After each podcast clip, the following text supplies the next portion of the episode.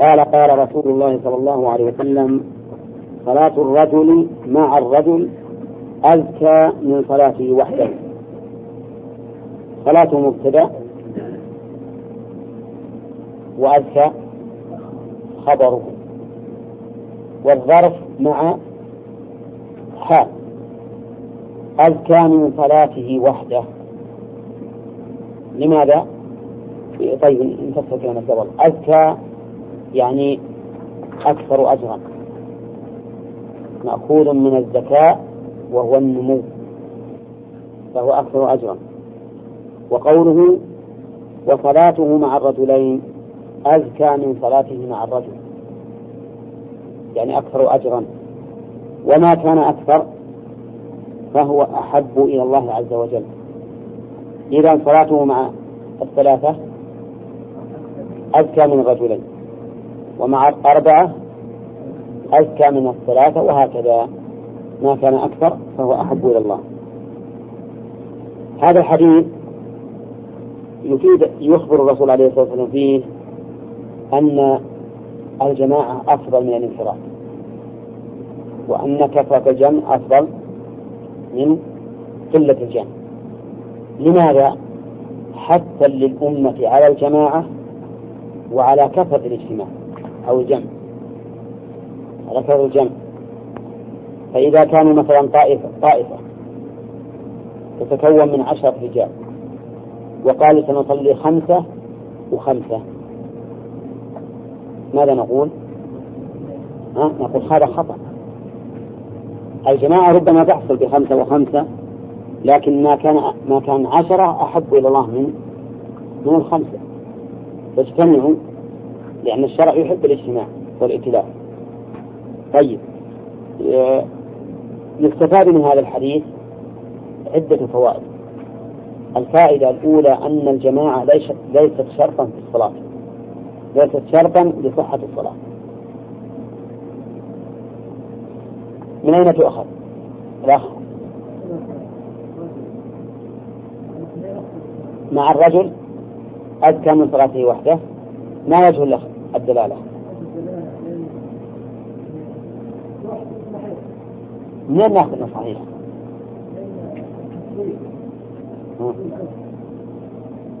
التفضيل يدل على أن الطرف المفضل عليه فيه ذكاء.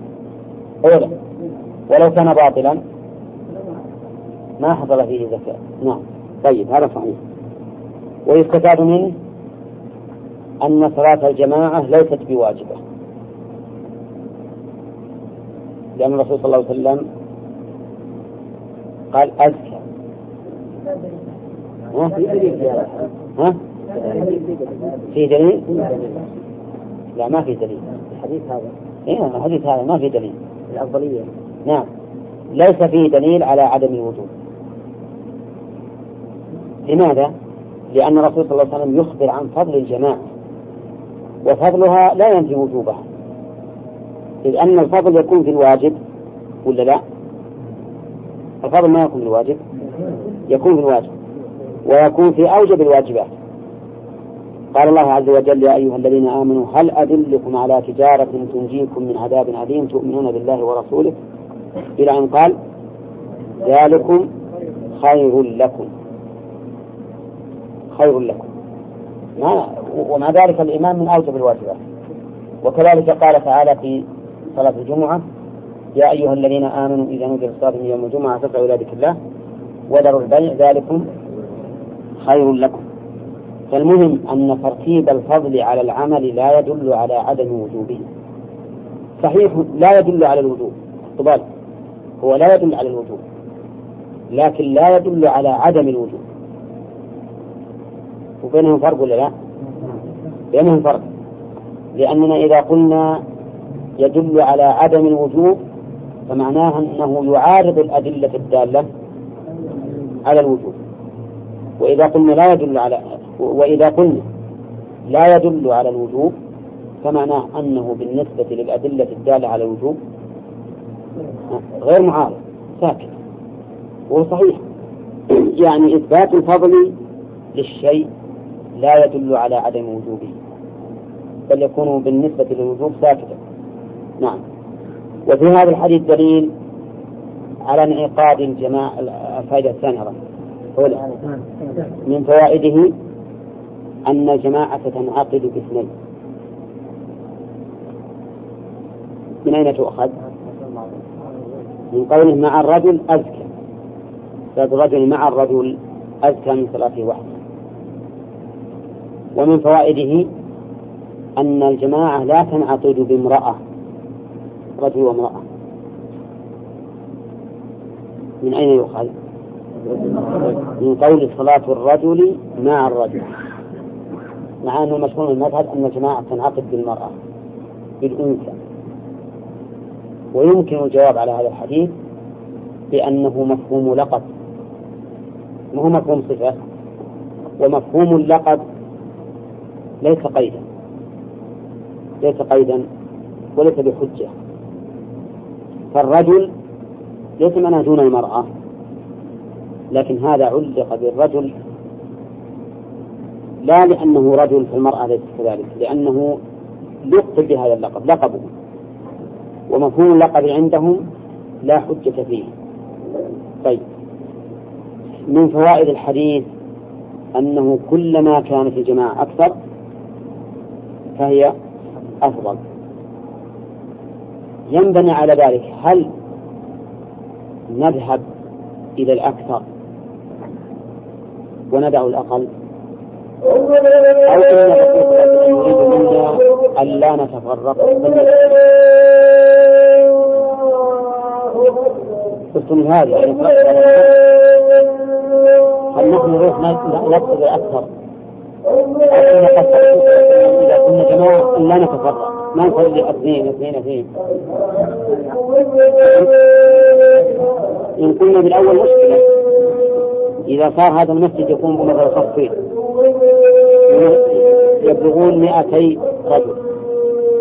وبقية المساجد فيها على صف. في صف خمسة رجل. وقلنا ما كان أكثر فهو أحد.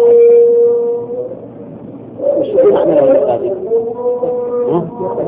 تذكر تذكر لأنهم يدورون الأكثر عددا والأكثر منشأ أيضا. وهذا ليس بمراد الله هو أفضل فإذا كنا مثلا مئة فهل الأولى أن يتوزع بعضنا فيصلي جماعة والبعض الآخر جماعة؟ أو أن يصلي الجميع؟ قلنا أن يصلي الجميع. وذكرنا أنه يستفاد منه أنه لا ينبغي كثرة المساجد في الأحياء. لأن هذا يؤدي إلى توزيع الجماعة وتفرقهم. والنبي عليه الصلاة والسلام يقول ما كان أكثر فهو أحب إلى الله. نعم. أي.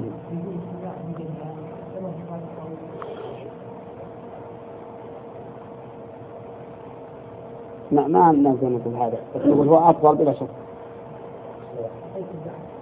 نعم زين قال رحمه الله تعالى وعن أم ورقة رضي الله عنها أن النبي صلى الله عليه وسلم أمرها أن تؤم أهل دارها. رواه أبو داود وصححه ابن خزيمة.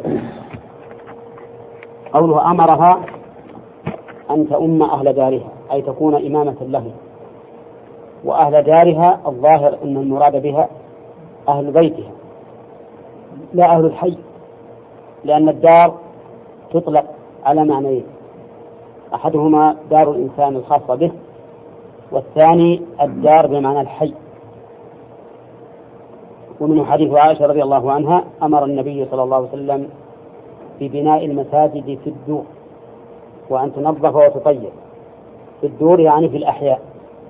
ومنها قولهم دار بني فلان. أي حيهم. وهذا الحديث اختلف العلماء رحمهم الله في صحته وفي حكمه. فذهب بعض أهل العلم إلى تضعيفه لأنه من رواية عبد الرحمن بن خلاد وهو مجهول. وذهب بعضهم إلى تصحيحه. وقالوا إنه مجهول لكنه قد بينت حاله وعرفت. ودعوى الجهالة ليست ليست بصحيحة. فمن قال بصحة الحديث؟ قال يستفاد منه مشروعية الجماعة للنساء وأنه ينبغي للنساء أن يصلين جماعة منفردات عن عن الرجال. وهذا هو المشهور من مذهب الإمام أحمد حيث قالوا إنه يسن إقامة جماعة للنساء بشرط أن يكن منفردات عن الرجال. وقال بعض العلماء إن هذا الحديث لا يصح وأنه لا يشرع للنساء أن يصلين جماعة. نعم يباح لهن حضور جماعة الرجال لكن لا يشرع. والمسألة ليست بتلك القوة التي يجزم الإنسان فيها باستحباب صلاة النساء جماعة. لأن مثل هذه المسألة مما تتوفر الدواعي على نقله لو أنها ثبتت. وإنما الجماعة للرجال كما ثبت في الحديث الأول لأبي هريرة انطلقوا إلى رجال لا يشهدون الجماعة. فالأصل في مشروعية الجماعة للرجال.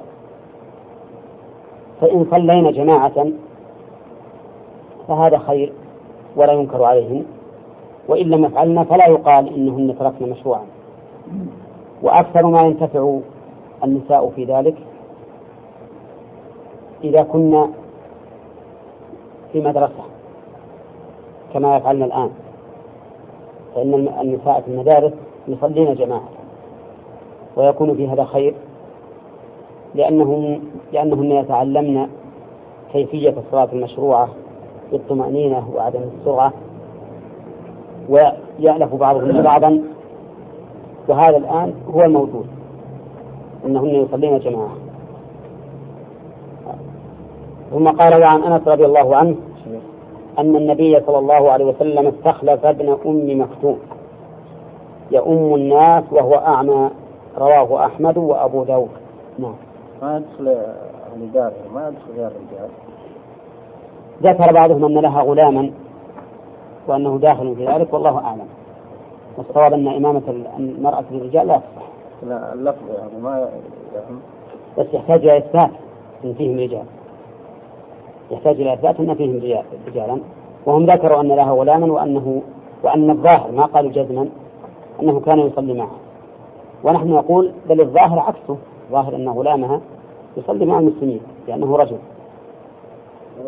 نعم. تجهر بها ولا بأس هذا ما عندهم رجال ما يخالف. قال وعن أنس رضي الله عنه أن النبي صلى الله عليه وسلم استخلف ابن أم مكتوم. ابن أم مكتوم اسمه عبد الله وقيل عمر. وكان أحد المؤذنين لرسول الله صلى الله عليه وسلم. قال استخلفه يؤم الناس أي يصلي بهم إماما. استخلفه على أي شيء؟ على المدينة. استخلفه عليه الصلاة والسلام عدة مرات إذا خرج في غزو استخلف ابن أم مكتوم على المدينة في شؤون الناس وكذلك أيضا في إمامتهم. وقوله وهو أعمى هذه جملة حالية. حال من أين؟ من المفعول به في قوله ها؟ ابن أم مكتوب ويجوز أن تكون حالا من فاعل يؤم. حالا من فاعل يؤم يؤمهم والحال أنه أعمى. لكننا إذا جعلناها حالا من المفعول صارت أعم. يعني صارت وصفا له في الاستخلاف وفي الصلاة في الإمامة. فيستفاد من هذا الحديث جواز استخلاف الأعمى في الحكم. نعم. ويستفاد منه ضعف من اشترط في القاضي أن يكون بصيرا. وهذا هو المشهور من المذهب أنه يشترط أن يكون القاضي بصيرا وأن قضاء الأعمى لا يصح إلا إذا دعت الضرورة إليه. وهذه المسألة عليها عمل الآن ولا لا؟ ها؟ ليس عليها عمل. الآن يولي المسلمون القضاء من هو أعمى وإن كان يوجد غيره. وهذا هو الصحيح أنه يجوز تولية القاضي وهو أعمى. كما استخرج الرسول عليه الصلاة والسلام ابن أم مكتوم وهو أعمى. ومن فوائد الحديث جواز إمامة الأعمى. وهذا هو الشاهد للترجمة أنه يجوز أن يؤم الناس وهو أعمى. لكن إذا كان نائبا عن الإمام الراتب فإنه لا ينظر هل هو أقرأ الناس أو ليس أقرأهم لأنه نائب مناب الأصل.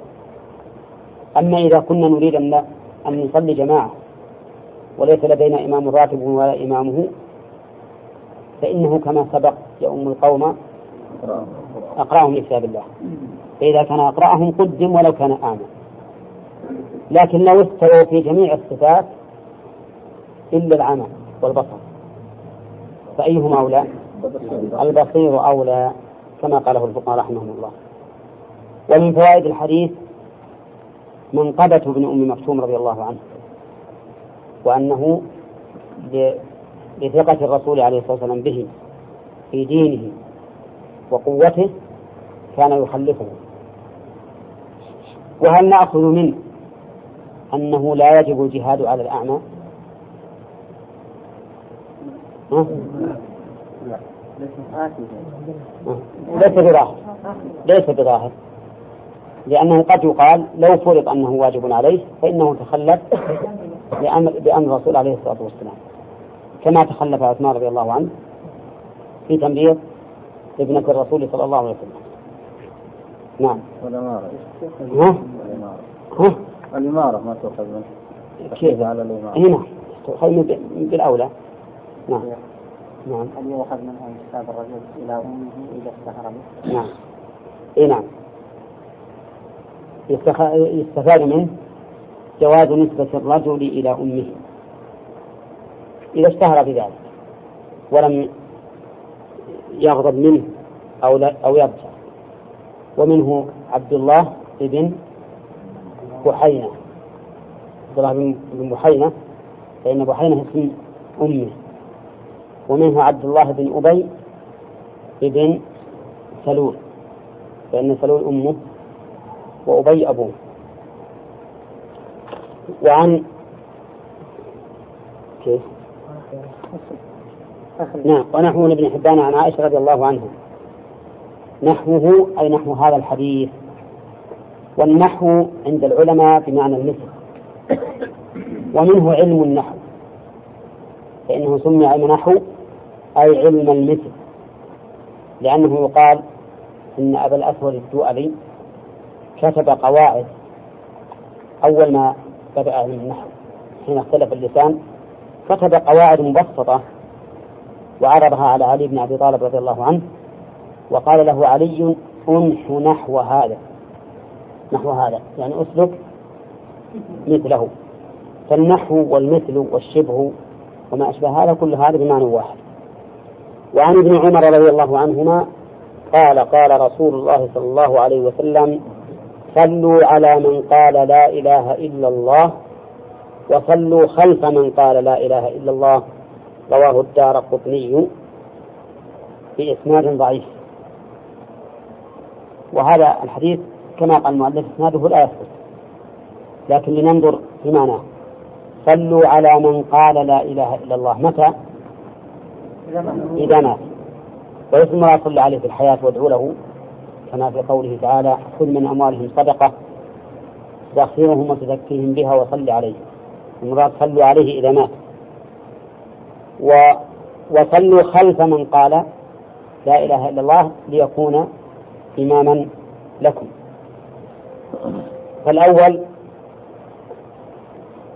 صلوا على من قال لا إله إلا الله أي من قالها بلسانه معتقدا لها بقلبه. وأما من قالها نفاقا فإن الله قال ولا تصلي على أحد منهم مات أبدا ولا تقم على قبره. فإذا علمنا أنه قاله نفاقا فإنه لا يصلى عليه.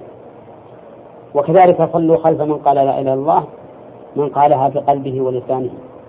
لا من قالها منافقا فإنه لا يصلى خلفه لأن الصلاة خلفه لا تصح.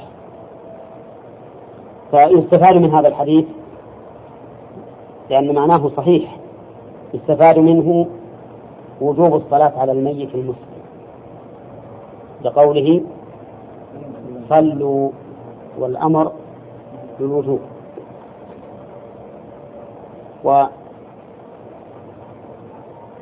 وهل هو فرض عين أو فرض كفاية؟ فرض كفاية. لأنه لا يجب على كل واحد أن يصلي. إذا يسقط بواحد. لو صلى عليه واحد من الناس كفى ولو امرأة؟ نعم ولو امرأة. لأنها من المسلمين ويستفاد منه عن طريق المفهوم. أنه لا يصلى على الكافر. من أين يؤخذ؟ على من قال لا إله إلا الله. فالكافر لا يصلى عليه ويؤيده قوله تعالى ولا تقم على ولا تصلي على أحد منهم مات أبدا. ويستفاد من هذا الحديث جواز الصلاة خلف الفساق لقوله صلوا خلف من قال لا إله إلا الله. وهذه المسألة اختلف فيها أهل العلم. فقال بعض العلماء إنه لا تصح الصلاة خلف كافر سواء كان فسقه بالاعتقاد أو كان فسقه بالأقوال أو كان فسقه بالأفعال. أما في الاعتقاد فأن يعتقد خلاف ما كان عليه السلف فيما يتعلق بأمر الإيمان بالله واليوم الآخر والملائكة والكتاب والنبيين والقدر خيره وشره. فإنه فسق. هذا إذا لم يفعله عن تأويل سائر فإن, فإن فعله عن تأويل سائر لم يكن فاسقا. أو فاسق بالأقوال. مثل القاذف لأن الله حكم على قاذفين أنهم أو فاسق والغاش في بيعه وإسرائه. الله قال قال رسول الله صلى الله عليه وسلم إذا أتى أحدكم الصلاة والإمام على حال فليصنع كما يصنع الإمام. رواه الترمذي بإسناد ضعيف. إذا أحدكم إذا أتى أحدكم الصلاة يعني التي يريد أن يصليها مع هذا الإمام. والإمام على حال. الجملة هذه في محل نص على الحال. يعني والحال أن الإمام على حال قائما أو راكعا أو ساجدا أو قائما أي حال يكون عليها إذا أتيت والإمام على حال فليصنع هذا جواب الشرط ولهذا قرن بالفاء. ويجب اقترانه بالفاء لأن الجواب صار طلبيا. وإذا كان طلبيا وجب قرنه بالفاء. وعلى هذا قول الشاعر الذي نظم المواضع التي يجب فيها ارتباط الجزاء بالجواب بالفاء. يقول اسمية طلبية وبجامد و إيش؟ وبناء وقد وبلن وبالتنفيذ. يقول فليصنع كما يصنع الإمام. كما الكاف هذه لا شك أنها حرف جر لكن ما التي بعدها؟ هل هي مصدرية أو اسم موصول؟ مصدرية. نعم. يجوز أن تكون مصدرية ويجوز أن تكون اسما موصولا. لو ذكر العائد لتعين أن تكون اسما موصولا. لو قال كما يصنعه الإمام يتعين أن تكون اسما موصولا لأن الضمير لا يعود إلا على اسم. ولما لم يذكر العائد جاز أن تكون مصدرية يعني حرف مصدر. أي فليصنع كصنع الإمام. وهذا الحديث معناه واضح أن المشروع في حق الإنسان الآتي إلى الصلاة أن يدخل مع الإمام على أي حال وجده. ولكن الحديث كما ترون ضعيف وهو ضعيف السند لكنه صحيح المتن. فإنه سبق أن الرسول عليه الصلاة والسلام قال إذا سمعتم الإقامة فامشوا إلى الصلاة فما أدركتم فصلوا ولا تسرعوا فما أدركتم فصلوا. ما أدركتم فصلوا. إذا معناها أننا إذا أتينا والإمام على حال. نعم. نصنع كما يصنع الإمام. فهذا الحديث ضعيف السند لكنه صحيح. المتن أن نصنع كما يصنع الإمام. لا نقول إن هذا الجزء من الصلاة لا ندركه لا ندرك به الركعة فلا ندخل مع الإمام فيه كما يفعله بعض العامة. إذا جاء الإمام ساجد قال هذا ما هو بنافعني. ما ندخل مع الإمام. لأنني لا أدرك به الركعة. نقول لا. أنت الآن خالفت السنة وحرمت نفسك. ولا لا؟ حرمت نفسك لأنك إذا سجدت لله قد تكون هذه السجدة التي سجدتها لله يرفع يرفعك الله بها درجات. نعم. فأنت لا تحرم نفسك هذا السجود. ثم هذا السجود فيه أيضا ذكر فيه دعاء والجلوس بين السجدين فيه دعاء وكيف تحرم نفسك؟ لكن الشيطان يدخل على ابن آدم. ما دام أنت الآن ماذا تصنع إذا وجدت الإمام ساجدا؟ وأنت بتروح يقف يقف فقط ليحرم نفسه الخير. ولا يدخل مع الإمام وهذا خطأ. مخالف للسنة وحرمان للأجر وحرمان لنفسه من الأجر. فهذه هو السنة. يستفاد من هذا الحديث على ما فيه من ضعف أن الإنسان لا ينبغي له أن ينفرد عن الجماعة حتى فيما لا يدرك الجماعة فيه. لقوله فليصنع كما يصنع الإمام. وهل يؤخذ منه؟ أنك تدخل مع الإمام وإن لم تدرك الصلاة جملة. ولا تقل أذهب إلى مسجد آخر أو لا يدخل يعني رجل عرفنا الآن في التشهد الأخير وعرف أن هناك مسجدا آخر يدرك الجماعة كاملة. فهل نقول ادخل معه ولا نقول الآن لا تدخل معه؟ إن نظرنا إلى ظاهر اللفظ قلنا يدخل معه. ويكون هذا الرجل اتقى الله تعالى ما استطاع وفعل ما أمر به. وكونه يدرك أو لا يدرك هذا أمر آخر. وإذا نظرنا إلى أن الجماعة واجبة ولا بد من إدراكها قلنا له الآن لا تستفيد بهذا الدخول شيئا. يعني من إدراك الصلاة الجماعة فاذهب إلى المسجد الآخر. ولكن إذا قال أنا لا أدري هل أدرك مسجدا آخر أم لا. نقول له ادخل مع الإمام ولو في التشهد الأخير. وكونك تدرك شيئا من الصلاة خير من كونك لا تدرك شيئا أبدا. كان من جماعة المسجد. ها؟ كان من جماعة المسجد.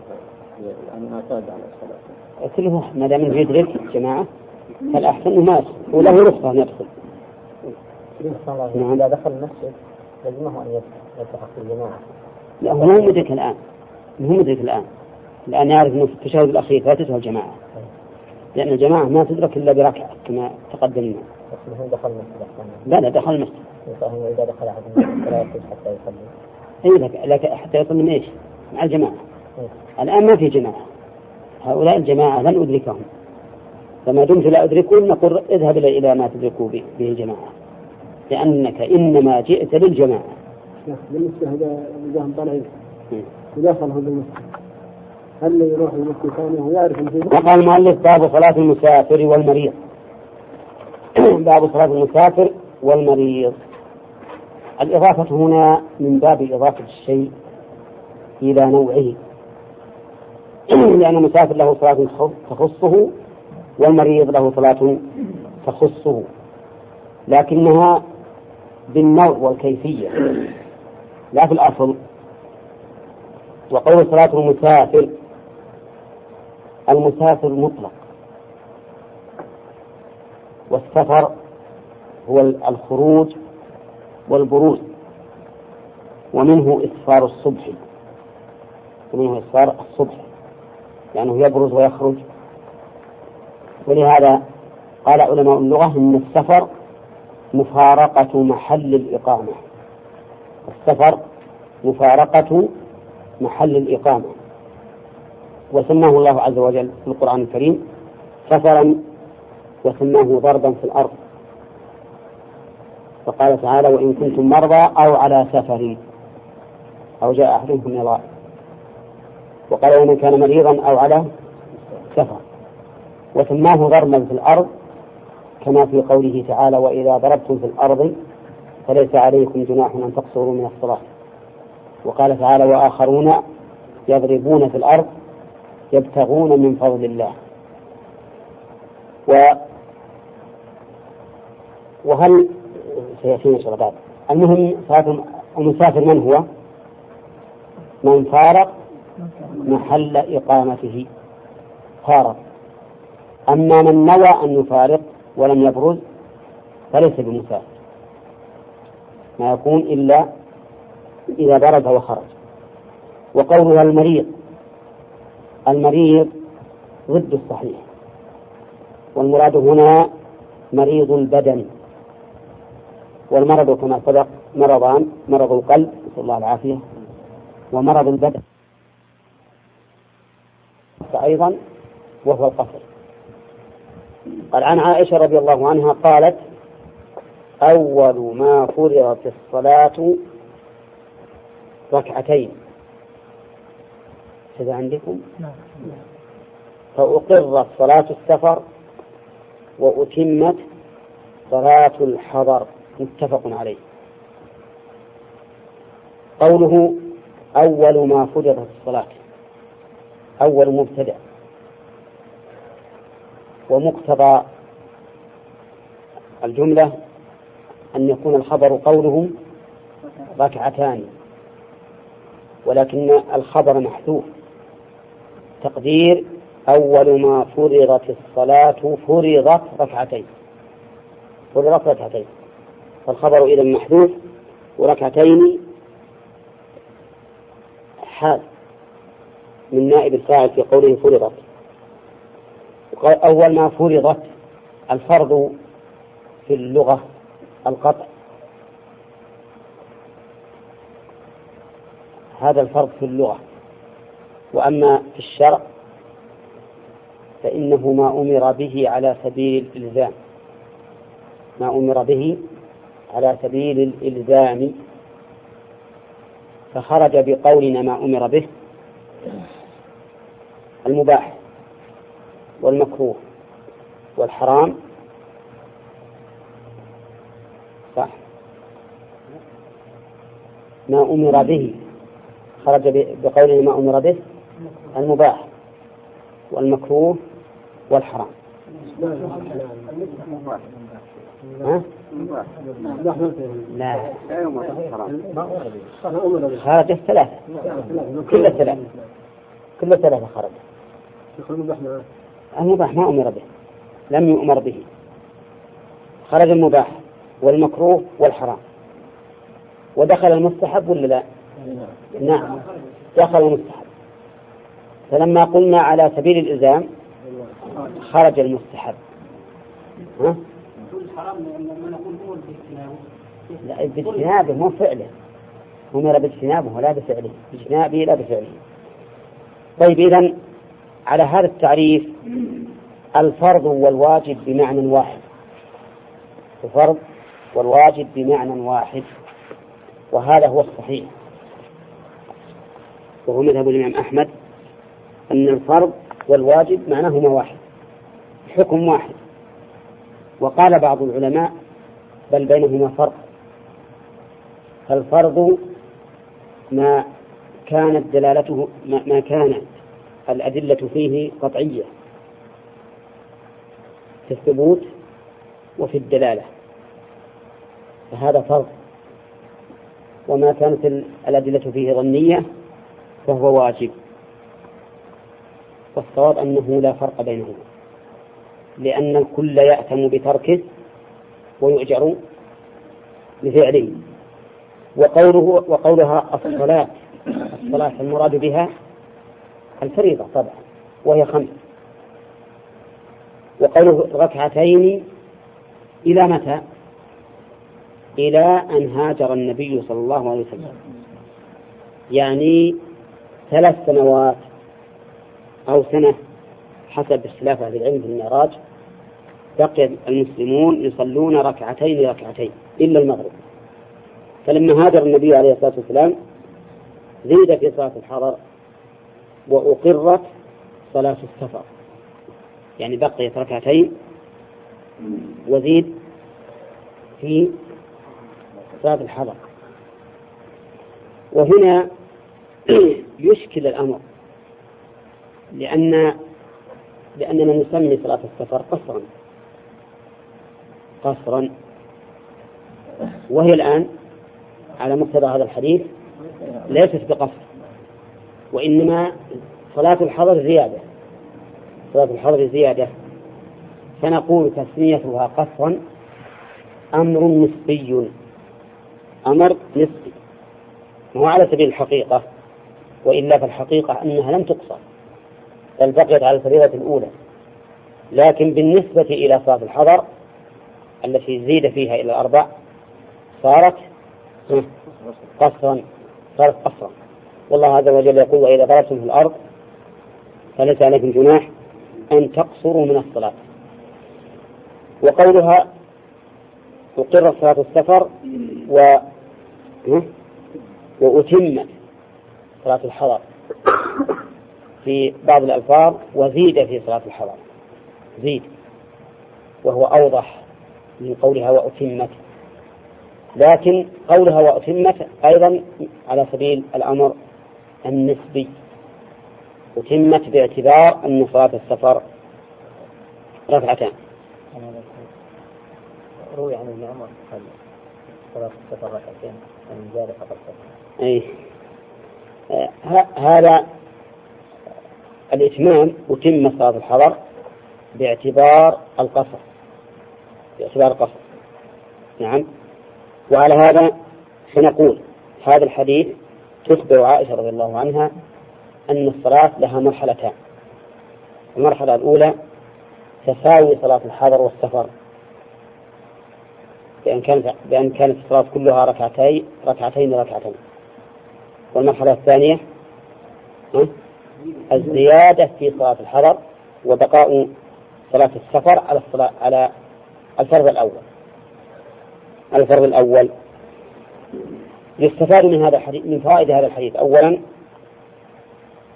مشروعية القصر في في السفر.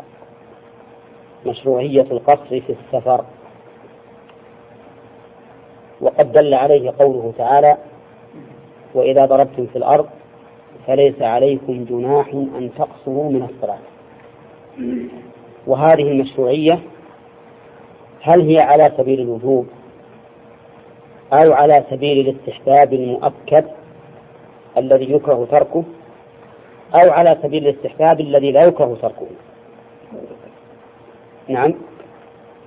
في هذا خلاف بين أهل العلم. فذهب جماعة من أهل العلم منهم أهل الظاهر والحنفية مذهب أبي حنيفة. إلى أن هذه المشروعية مشروعية وجوب وأن المسافر يجب عليه الإتمام. القصر قصر يجب عليه القصر. أن المسافر يجب عليه القصر. واستدلوا بهذا الحديث. قالوا لأن حديث عائشة واضح أن صلاة السفر بقيت على الفريضة الأولى. فكما أنك لا تصلي في الحضر خمسا فلا تصلي في السفر أربعا لأن كل فريضة. استدلوا أيضا بأن الصحابة رضي الله عنهم أنكروا على عثمان إتمامه الصلاة في منى. فإن عثمان رضي الله عنه بقي في خلافته ست أو ثمان سنوات. يقصر الصلاة ثم بعد ذلك أتم. خلافته كم كانت؟ اثنتا عشرة سنة. أتم. ولكن الصحابة أنكروا عليه ذلك واعتذروا له واعتذروا له. اعتذروا له. إنما ابن مسعود ابن لما بلغ بهذا الشيء قال إنا لله وإنا إليه راجعون. فجعل هذا من المصائب التي يسترجع عنها. واستدلوا أيضا بأن الرسول صلى الله عليه وسلم في جميع أسفاره ما أتم ولا يوما واحدا. بل كل أسفاره كان يقصر الصلاة. ولو ولولا أن هذا على سبيل الوجوب ما حافظ عليه الرسول صلى الله عليه وسلم. لكان يفعل سواه يوم من الأيام ليبين للناس أنه ليس بواجب أو يقول للناس إنه ليس بواجب. أما الذين قالوا إنه مشروع على سبيل التأكد بحيث يكره تركه فاستدلوا بهذا الحديث. قالوا إن المفحوص لا يجوز تركه لكن نظرا إلى الخلاف في هذه المسألة نجعله من باب يعني الإتمام من باب المكروه وليس من باب المحرم. واستدلوا بأن عمر رضي الله عنه سأل النبي صلى الله عليه وسلم عن قوله تعالى فليس عليكم جناح أن تقصروا من الصلاة. أظن كنتم معنا. لا. فليس عليكم جناح أن تقصروا من الصلاة إن خفتم أن يفتنكم الذين كفروا.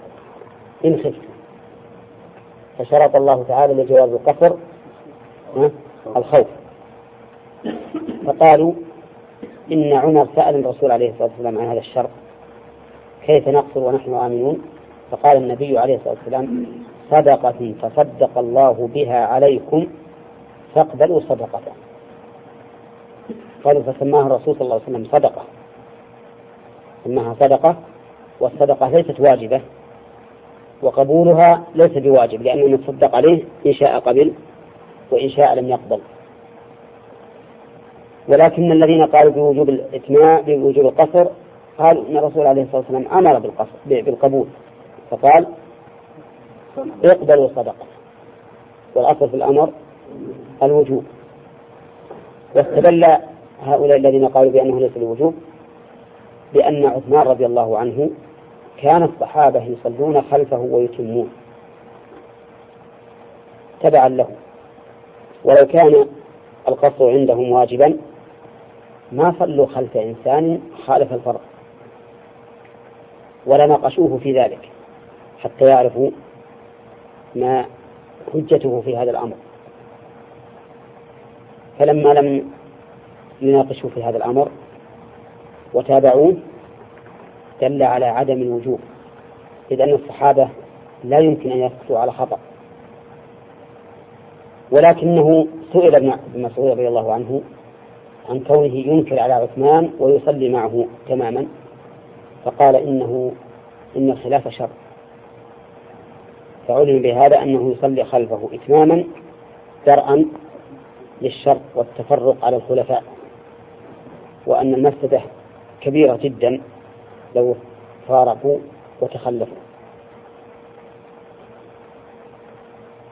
وأما الذين قالوا إنه ليس بمؤكد يعني سنة ولا يكره تركه فقالوا إن الله يقول وإذا ضربتم في الأرض فليس عليكم جناح أن تقصروا من الصلاة فنفى الجناح فقط. نعم فنفى الجناح ونفي الجناح لا يدل على الوجوب. كما لو قلت لا حرج عليك أن تفعل كذا هل معناه أن هذا الشيء يجب عليك؟ ما يجب عليك. ولكن هذا الاستدلال فيه نظر. لأن نفي الوجوب في هذا الدليل لا يمنع من الوجوب بدليل بدليل آخر.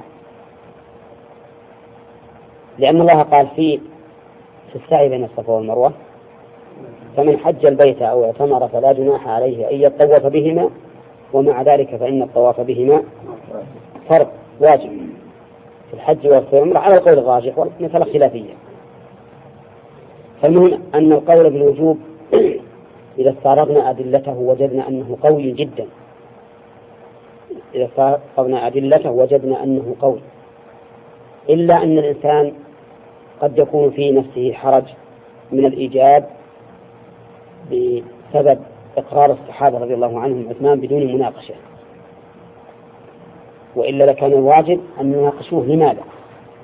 لماذا أتممت وأنت تقصر وعمر يقصر وأبو بكر يقصر والنبي صلى الله عليه وسلم يقصر؟ كل من قبله كانوا يقصرون. فالمسألة ما ينبغي بلا شك للإنسان المسافر أن يصلي تماما بل يقصر إما وجوبا وإما سنة مؤكدة غاية التأكيد. وكنت أرى بالأول الوجوب لكن آه، حصل عندي تردد في آخر الأمر. تردد وقلت إن إن قوله أقرت على الفريضة الأولى يعني لم تزد. لم تزد وليس معنى أنه فرض أن تكون. إنما أنا أرى أنه لا ينبغي للإنسان أبدا أن يتم. إلا في حال واحدة وهي ما إذا تم بمقيم بل إذا أتم بمن يتم. هذا التعبير السليم. إذا أتم بمن يتم فإنه عليه أن يتم. لقوله عليه الصلاة والسلام ما أدركتم فصلوا وما فاتكم فأتموا. وتقدم لنا أن الصواب أنه إذا أدرك مع الإمام ولو أقل من ركعة فإنه يلزمه الإتمام. ثم ها هنا مسائل في هذا الباب في هذا الباب. أولا لو أدركه الوقت وهو في البلد وسافر بعد دخول الوقت فهل نقول إن أن صلاته الآن صلاة مسافر أو صلاة مقيم؟ هذا فيه خلاف بين العلماء. قال بعضهم إنها صلاة مقيم لأنه خوطب بها في حال الإقامة فيلزمه أن يتم يلزمه أن يتم. وقال بعض أهل العلم لا يلزمه الإتمام بل له أن يصلي قصرا لأن الاعتبار في الصلاة في, في الصلاة بفعلها وهذا ما إنما فعلها بعد خرج والآية مطلقة. وإذا ضربتم في الأرض فليس عليكم جناح أن تقصروا من الصلاة. لم يستثن له حال دون حال. هذا الرجل ضرب في الأرض وأراد أن يصلي فإنه يصلي ركعتين فقط. كما أنه بالعكس يصلي أربعا. وش بالعكس لو دخل عليه الوقت وهو مسافر. ثم قدم إلى البلد في, في الوقت. فيصلي صلاة مقيم ولا صلاة مسافر؟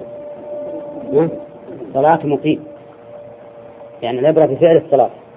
وقد وقد صلاها في الحضر فيلزمه أن يصلي صلاة مقيم. وهذا القول هو الراجح. أن المعتبر فعل الصلاة. كما أنه مثل هذه المسألة لو ذكر صلاة سفر في حضر. لو ذكر صلاة سفر في حضر. ماذا يقضي؟ أه؟ يصلي ركعتين فقط. والمشهور من المذهب أنه يصلي أربعا. والصواب أنه يصلي ركعتين فقط. لأن هذه الصلاة وجبت عليه كم؟ ركعتين. فيصلي ركعتين. نعم. طيب ولو ذكر صلاة حضر في سفر. يصلي أربعا؟ نعم. لأن الصلاة وجبت عليه رباعية فيجب عليه أن يصلي أربعا. والآن نطالب بدين قدره أربع ركعات فليصلي أربعا. المذهب يلزمه الإتمام في الصور كلها. هذه نعم. لأنهم يغلبون جانب الحظر رحمهم الله. يقولون أن نغلب جانب الحظر فإذا ذكر صلاة سفر في حضر أتم. وإن ذكر صلاة حضر في سفر أتم. وإذا دخل الوقت وهو في الحضر ثم سافر أتم. وإذا دخل الوقت وهو في السفر ثم أقام أتم. في الصور كلها. ولكن الصواب ما أشرنا إليه.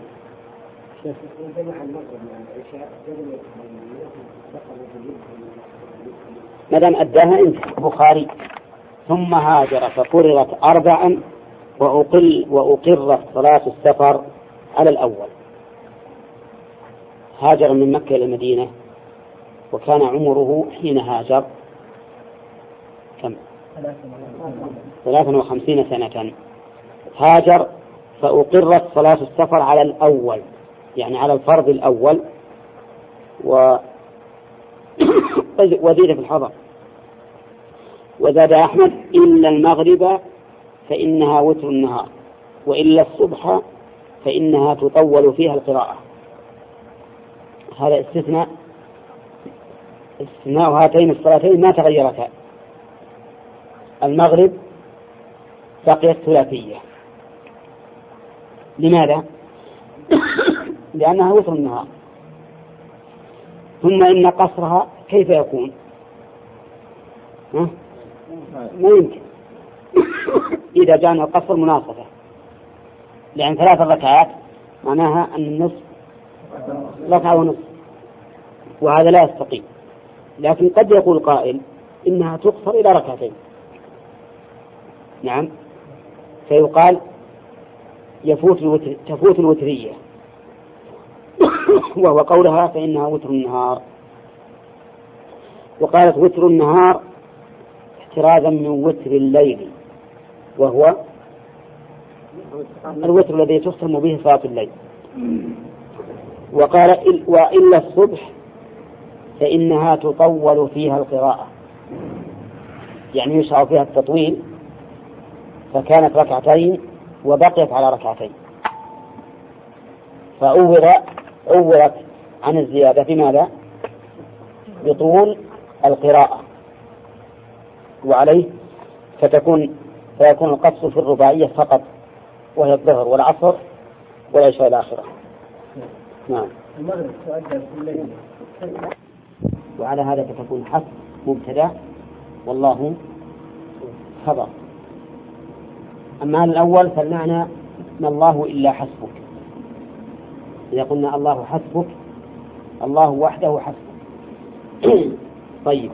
وقوله ومن اتبعك من المؤمنين ومن اتبعك؟ من هذا اسم موصول وهي مبنية على السكون. ولا تظهر عليه الحركة. فهل هي معطوفة على الكاف في قوله حسبك الله أو معطوفة على اسم الجلالة؟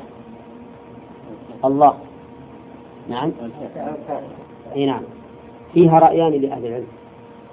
فقال بعضهم حسبك الله وحسبك من اتبعك من المؤمنين. وجعلوا آه، من معطوفة على الله. قالوا لأنه أقرب. لأنه أقرب. نعم. ولأنه لو كان معطوفا على الكاف في حسبك لوجب إعادة الجار. لوجب إعادة الجار. قول ابن مالك يقول وعود خافض لدى عطف على ضمير خفض لازما قد جعل. لكنه قال وليس عندي لازما وهو الصحيح. نعم. طيب قوله آه ثم قالوا إن هذا كقوله تعالى. هو الذي أيدك بنصره وبالمؤمنين. هو الذي أيدك بنصره وبالمؤمنين. فقالوا إن إن الله أيد الرسول صلى الله عليه وسلم بالمؤمنين. فيكونون حثا له كما كان الله تعالى حثا له. لكن هذا القول ضعيف ولا يصح. والجواب عما استدلوا به. أولا قولهم إن إن العطف على عطف المذكور ليس بصحيح. فقد يكون العطف على شيء سابق كما في نظائره وهي كثيرة. حتى إن النحويين قالوا لو تعددت المعطوفات يكون العطف على أي شيء؟ على الأول. وثانيا قولهم إنه لو عطف على الكاف لوجب إعادة الجار. قلنا هذا ليس بلازم لأنه كما قال ابن مالك إذ قد أتى في النظم والنسل الصحيح مثبتا. وشواهده تقدمت لنا في النحو وأما استدلالهم بقوله هو, هو الذي أيدك بنصره والمؤمنين فالتأييد بهم غير كونهم حسبة.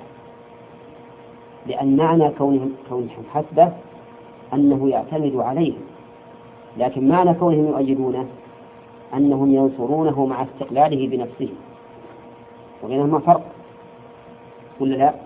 فالحث هو الكافي يعني يكفيك حتى عن نفسك. لكن التأييد بالغير معناها أنه مؤيد له. له استقلال.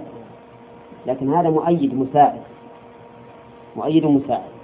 ويدل على هذا أن الله سبحانه وتعالى حينما يذكر الحق يخلصه لله. مثل قوله تعالى ولو أنهم رضوا ما آتاهم الله ورسوله وقالوا حسبنا الله سيؤتينا الله من فضله ورسوله. سيأتينا الله من فضله ورسوله. وقال تعالى قل حسبي الله عليه يتوكل المتوكلون. وكما أن التوكل على الله لأنه الحسب. فغيره لا يمكن أن يكون حسبا إذ لو كان حسبا لكان التوكل عليه. لو كان غير حسبا لكان التوكل عليه جائزا ولكن حسبه الله وهو الذي عليه يتوكل المتوكلون. فالصواب أنه معطوف على إيش؟ على الكاف في قوله حسبك. يعني وحسب من اتبعك من المؤمنين. فتوكلوا عليه جميعا. أنت ومن اتبعك. ثم إن في قوله ومن اتبعك. هذا اللفظ فيه ما يمنع أن يكون الرسول أن يكون الصحابة حسبا للرسول صلى الله عليه وسلم. وجه ذلك أنهم تابعون أتباع. فكيف يكون التابع حسا للمتبوع؟ هذا لا, لا يستقيم أبدا. فالصواب المتعين أن الآية معناها حسبك وحسب من اتبعك والله تعالى كاف الجميع قال وقوله ومن يتوكل على الله فهو حسبه. ومن يتوكل على الله فهو حسبه. هذه جملة شرطية تفيد بمنطوقها معنى وتفيد بمفهومها معنى آخر. المنطوق أن من يتوكل على الله فإن الله يأتيه مهماته وييسر له أمره. ولم يقل الله تعالى ومن يتوكل على الله فإنه لا يجد من يؤذيه قال فهو حسبه. كافيه ما أهمه حتى لو حصل عليه بعض الأذية من أعدائه فإن الله تعالى يكفيه. شرهم فلا يصلون إلى الغاية. وإلا فالرسول صلى الله عليه وسلم سيد المتوكلين ومع ذلك يصيبه الأذى. لكن الله حسبه كفيه. حتى لو حصل الأذى ما كسر ضره لا بد أن تكون النتيجة بهذا الذي اعتمد على الله.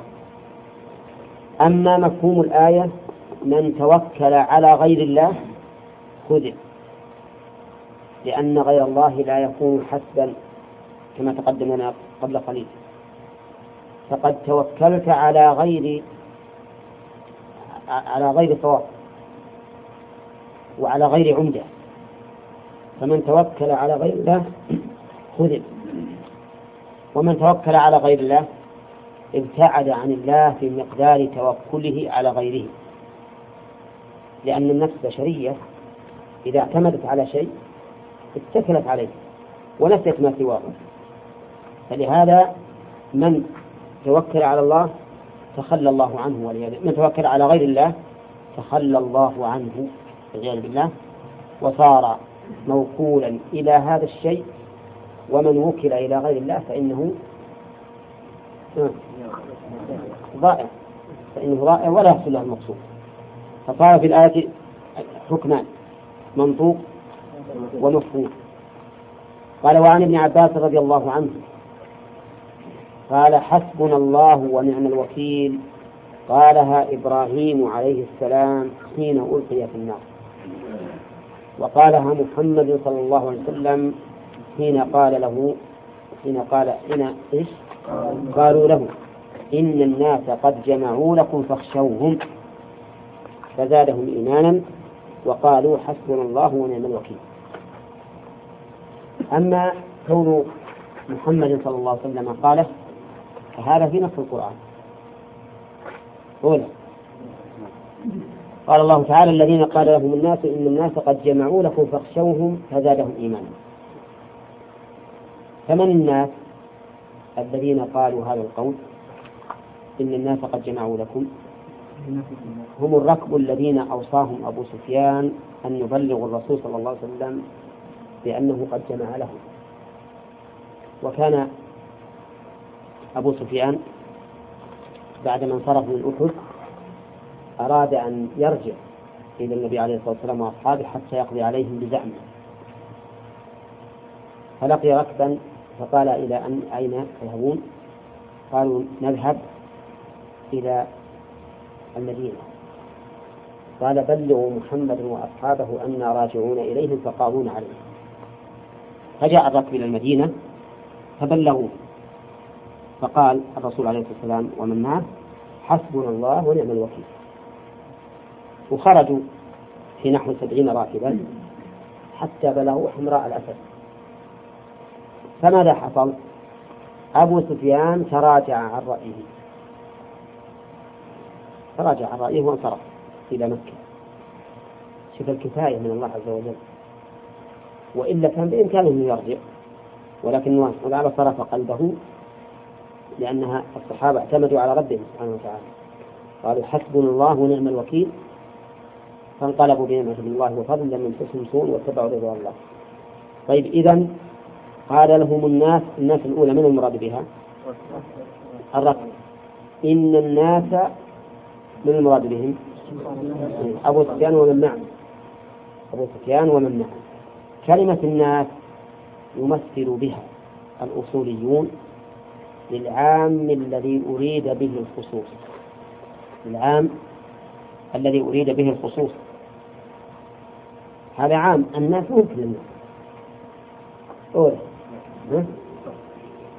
إن الناس قد جمعوا لهم. كل الناس جمعوا لهم؟ لا. فهو عام